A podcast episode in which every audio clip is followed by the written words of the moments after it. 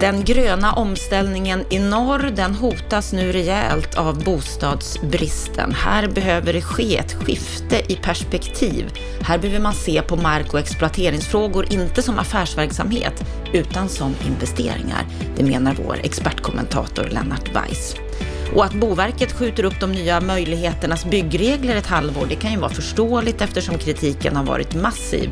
Men vad betyder det egentligen för bostadsbyggandet? Ja, varmt välkommen till Bopolpodden och veckans Aktuellt med det senaste som har hänt under veckan, då vi också kommer att beröra att mer än var tredje kommun är utsatt för social dumpning, men att regeringen har lagt ner utredningen. Och så kommenterar vi 98-åringens debattartikel Bostadsbristens rävsax slog igen redan på 1940-talet. Varmt välkommen till veckans Aktuellt. Jag heter Anna Bellman.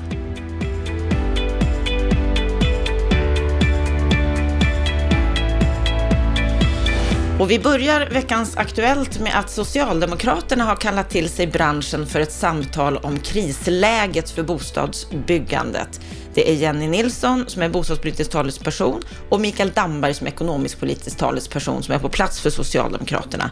De har bjudit in 21 branschaktörer och tre av bostadspolitiks redaktionsmedlemmar är på plats. Vi har Åbos Lina Brantemark, Heimstadens Kent Persson och du Lennart Weiss från Veidekke. Och när det här mötet äger rum, det är ju alltså på torsdagen, då har det inte ägt rum än för oss, för vi spelar in det här programmet på torsdag morgon och det sänds ju på fredagen. Men om du får gissa Lennart, vad tror du att det här mötet kommer att leda till? Förhoppningsvis ökad insikt. Jag har inga stora förväntningar på att eh, dagens inspel kommer att påverka oppositionens skuggbudget. Det går nämligen inte. Alltså när man lägger en skuggbudget så är man bunden till de utgiftsramar som regeringen redan har lagt sig Det är inom de utgiftsområdena man kan agera. Så det går inte att göra så mycket. Men det man kan hoppas på det är att ett sånt här möte leder till ökad insikt. Därför så är det en väldigt bra markering att Jenny Nilsson har med sig den före detta finansministern och kanske en framtida finansminister också i Mikael Damberg. Därför att vi har ju sagt det hur många gånger som helst i den här podden, att de här frågorna måste upp på finans och statsministernivå. Så det är bra. Insikterna måste öka på den, på den kanten. Och det är dessutom nödvändigt, därför att om du tittar på hur problembilden ser ut just nu, vi, vi, kan bara titta på det senaste nyhetsbrevet som vi gav ut här på bostadspolitik.se så kunde man se en kraftig kantring utav nyhetsflödet. Nu handlar det redan alltså om konsekvenserna för arbetsmarknaden. Alltså vi har flyttat fokus från att det görs uppsägningar, det är problem i branschen. Nu är det arbetsmarknadsperspektivet som dominerar. Nu, nu, nu säger Northvolt uppe i Skellefteå att det blir inga det blir inga ytterligare etableringar där uppe om vi inte får fram bostäderna och det får vi inte. Alltså det är ett allvar nu i det här som, som man inte kan snacka bort med liksom hittepå och låtsaspolitik. Så på kort sikt så måste både regering och opposition formulera sig kring de skriande behoven som arbetsmarknaden har.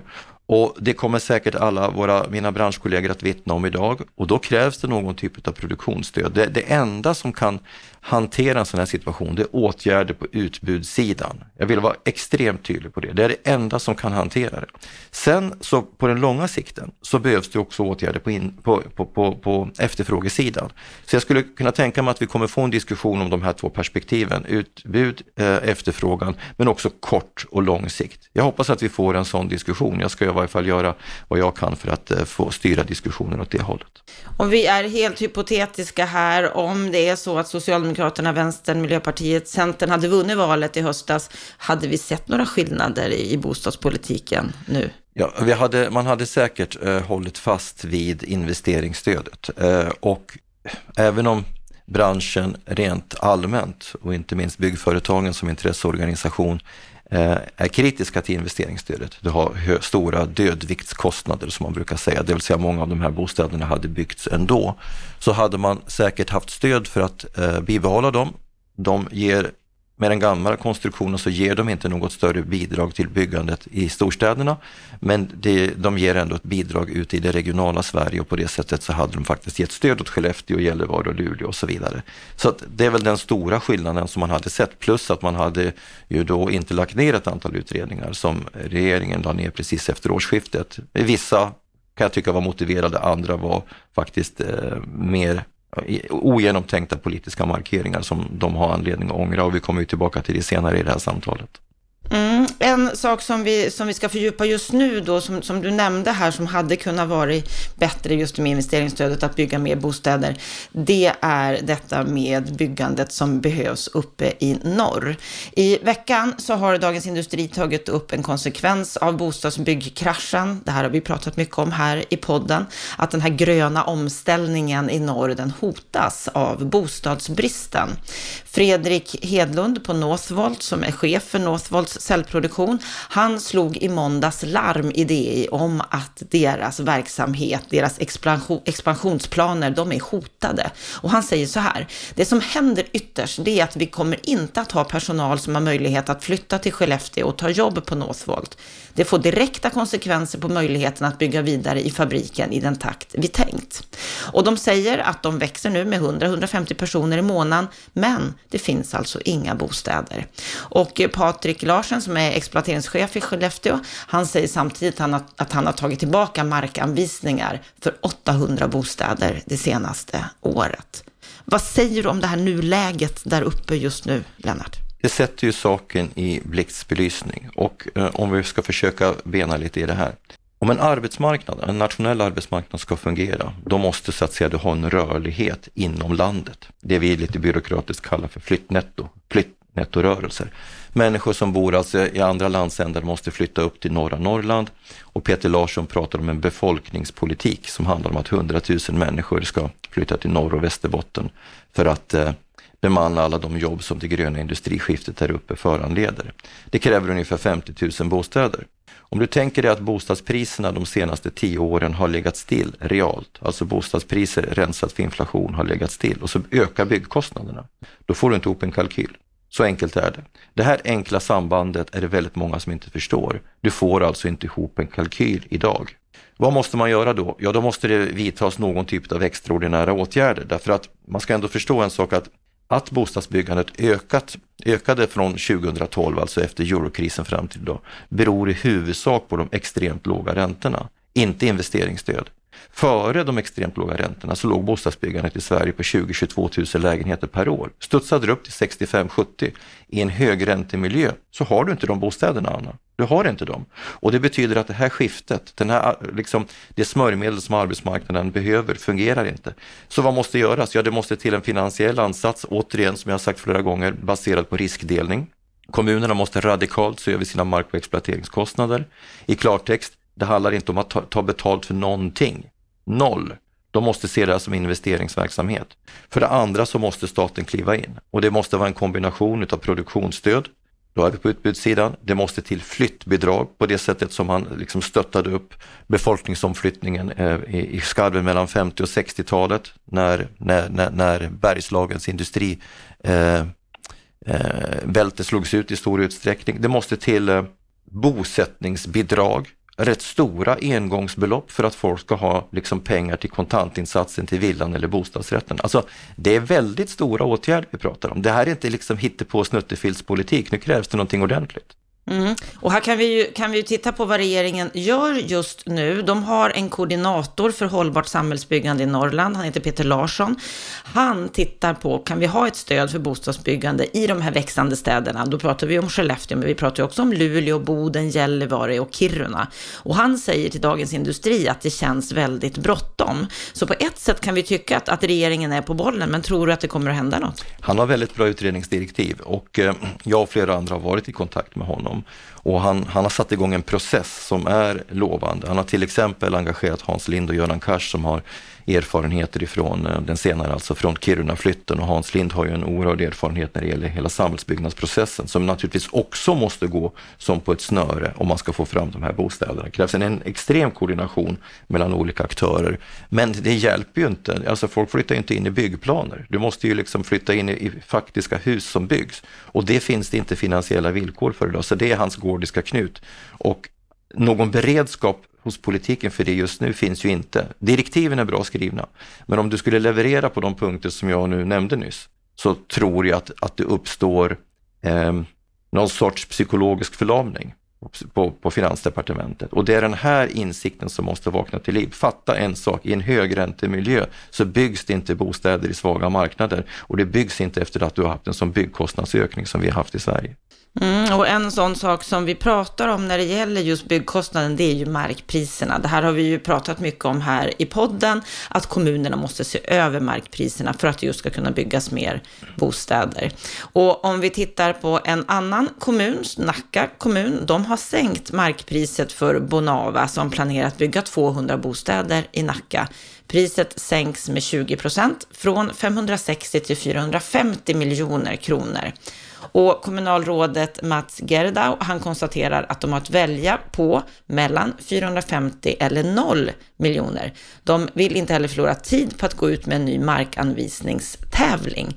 Vad tänker du om det här Lennart, att, att kommunerna liksom sänker priserna? Hur, hur ser din bild ut där? Är det här vanligt nu att man gör det? Nej, men det är nödvändigt därför att eh, vi ska ha klart för oss att in, i Nacka så behöver man uppenbarligen bara sänka med 20 procent för att få ihop en kalkyl. Om du tittar över hela länet och en sån analys är på väg. Jag vet att byggföretagen har beställt en sån utav bygg, av, eh, av analysföretaget Evidens och utan att kunna detaljer i den så har jag bara förstått att den visar att värdet på byggrätterna, det vi kallar för byggrättsvärdet, i de största delarna av länet är noll. Så det handlar inte om 20 procents rabatt, det handlar om 70, 80, i vissa fall 100 procents rabatt. Du får inte ihop en kalkyl annars. Så att eh, det är bra att Mats Gerdau visar eh, sunt förnuft och går före. Många fler kommer behöva följa efter och de kommer behöva ge mycket, mycket större rabatter. Alltså det krävs här från kommunernas sida en omdefinition av markpolitiken från affärsverksamhet till infrastrukturplanering och då måste man ta en större del av ansvaret själv. Annars blir det inga bostäder. Något som också efterlys för att det ska kunna byggas mer bostäder, det är ju förenklade byggregler. Och Boverket, de har ju tidigare kommit med förslag på möjligheternas byggregler, alltså lite förenklade nya byggregler som har fått en del kritik. De här byggreglerna, de har Boverket nu beslutat att skjuta upp implementeringen av. De skjuter upp det här i ett halvår och planen är nu att de ska införas 1 januari 2025. Boverket fick in 1400 remissvar och de säger alltså att de, de behöver mer tid för att gå igenom alla de här remissvaren. Vad tror du Lennart, är anledningen det att de behöver mer tid för att gå igenom svaren? Eller handlar det om att de fick lite oväntat mycket kritik för det här? Svårt för mig att veta, jag har ingen vidare insyn i det här så att nu spekulerar jag verkligen. Jag tror då att det är en kombination av båda sakerna. Alltså jag tycker nog att debatten visade att, att eh, det nya förslaget var ett väl radikalt omslag. Eh, om bara Fredrik Kopsch tycker att det är bra, då tror jag nog att det är många andra som är, är, är kritiska. Ehm, så att jag tror att det här var klokt, att dra i handbromsen och ge sig lite rådrum. Sen har det ju varit väldiga kast i, i den här frågan. Jag är ju för förenklade byggregler, jag är för nationella standards så att branschen har någonting att rätta sig efter. Men någon sorts riktlinjer behövs ju ändå. Alltså det, det kan inte bli totalt vilda västern heller. Va? Det tror jag inte på. Då, då tror jag vi får en urholkning av vad som är god standard och jag menar, i en kolossal bristekonomi, då är det inte så enkelt som att säga att konsumenterna väljer. Nej, men har de inget att välja mellan så väljer de till slut skit också. Liksom. Och det har vi liksom, samhällsbyggandet behöver inte skräp, utan vi behöver ha riktiga, ändamålsenliga bostäder. Och att de nu skjuter upp ett halvår, vad får det för konsekvenser? Ja, det får väl konsekvensen att man, man, man ger sig mer tid att tänka till. Man får ju ändå säga att den här regeringen är ju tämligen nytillträdd fortfarande, så att det ger ju Andreas Karlsson och kompani mer tid att sätta sig in i frågan och ta ett mer välavvägt ställningstagande och det tycker jag är bra. Vi ska ta upp en annan nyhet som har skrivits i Hem och Hyra. I veckan så har de gjort en kartläggning som kom fram till att 106 kommuner i Sverige blev utsatta för så kallad social dumpning under förra året, under 2022. Det här var alltså mer än var tredje kommun. Social dumpning har vi pratat en hel del om här i podden. Det betyder alltså att kommuner som har bostadsbrist, ofta storstadskommuner, de skickar hushåll som behöver bostad, som behöver socialhjälp till andra delar av landet där det finns ett överskott av bostäder. Oftast då fattigare kommuner som inte har samma ekonomiska möjligheter. Det här kan handla om personer som har olika typer av missbruk eller nyanlända som inte har något etableringsersättning längre. Bland annat så berättar Hem och Hyra om Sandviken som under sommaren och hösten fick ta emot 50 familjer med nyanlända ifrån Stockholmsområdet. 100 nya barn skulle ha plats i skolor och förskolor och föräldrarna behövde svenskundervisning och annat stöd. Hur ser du på den här situationen, Lennart, som många kommuner nu blir utsatta för? Ja, det är en skamfläck för Sverige att man hanterar en sån här fråga, en, en i grunden socialpolitisk fråga på det här sättet. Det är skamligt att Stockholmskommunerna som är i grunden rika, och vi vet ju i hög grad vilka kommuner vi talar om, det är lågskattekommuner med en väldigt stark befolkning, att de så att säga skickar problemet till svaga kommuner. Då är Sandviken inte den svagaste precis, utan det, det, det är ändå en stark kommun med en, eh, med, med, med en stark eh, stålindustri och så vidare. Men eh, det är ju totalt oanständigt och, och i det perspektivet så får man ju säga att det, det är ju ett, det, det framstår ju som ett oerhört misstag utav Andreas Karlsson att man la ner just den här utredningen efter årsskiftet. Jag, har, jag ser mer milt på en del andra beslut som till exempel att man är, la ner utredningen om ett statligt byggbolag för det var riktigt illa tänkt från början. Men i det här fallet så träffar det ju liksom i epicentrum utav den bostadssociala debatten, speciellt när det gäller socialgrupp 4. Och att man släppte den frågan, ja, det tvingas man, det kommer man tvingas göra någon typ av omtag på, för det här är oanständigt och det är dessutom orimligt att landsortskommunerna ska bära storstadskommunernas liksom, eh, bristande bostadspolitik. Ja, den här eh, utredningen då, den skulle ju ha kommit och redovisat ett förslag nu i oktober. Alltså var, varför tror du att man la ner den här utredningen? Ja, jag vet faktiskt inte. Det är definitivt illa tänkt. Det kan vara någon sorts trots, att nu skulle man liksom eh, visa att man minsann var nya herrar i huset och så man, skulle man lägga ner utredningar som tillsätts, tillsattes liksom ganska kort tid före eller efter valet. Det kan vara någon typ av trots, men, men jag tycker inte man ska tillåta sig den typen av känslosamma reaktioner. För det här, den här utredningen fyllde ett legitimt syfte. Det var en bra utredare, Lena Nyberg, och eh, den hade tillfört eh, fakta och, och, och, reflektioner kring en i grunden synnerligen kritisk fråga. Så att här, här, agerade regeringen fel. Och eh, det enda man kan säga det är att rekommendera regeringen till ett snabbt omtag. Vi ska avsluta veckans Aktuellt med en uppmärksammad debattartikel på DN Debatt i helgen. Det var den pensionerade stadsarkitekten i Umeå, Hans Åkerlind, som skrev ett inlägg med rubriken Bostadsbristens rävsax slog igen redan på 1940-talet.